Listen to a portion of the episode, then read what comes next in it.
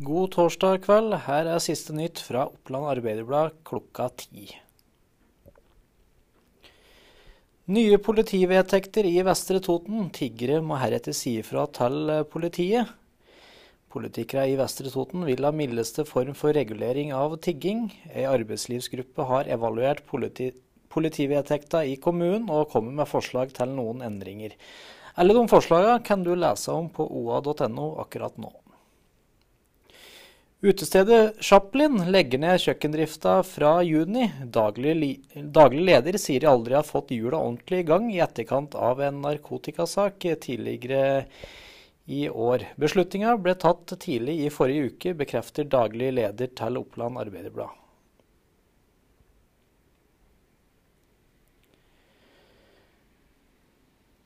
Kjører du over fjella denne helga, da bør du ta på at vinterdekka. Fylkesveg 33 over, over bl.a. Tonsåsen byr på krevende forhold, og verre kan det bli, opplyser vegtra Vegtrafikksentralen for Østlandet torsdag. Vegtrafikksentralen delte torsdag bilder fra fylkesveg 51 over Vallersflya og fylkesveg 33 over Tonsåsen, og skriver at det er vinterdekk som gjelder om du befinner deg høytliggende i Oppland.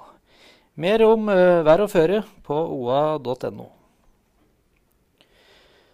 Torsdag betyr uh, matanmeldelse på oa.no. Denne gangen har Callen og prinsessa tatt, tatt turen til Loksdalen, som ligger tett på fylkesveg 34.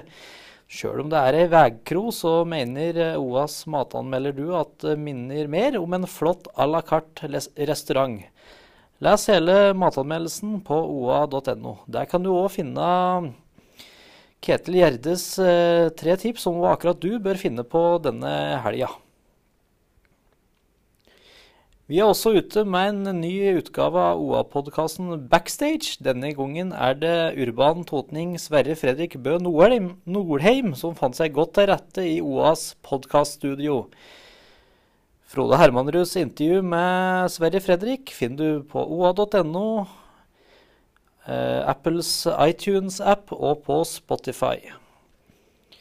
Vi ønsker deg en fortsatt god torsdag kveld.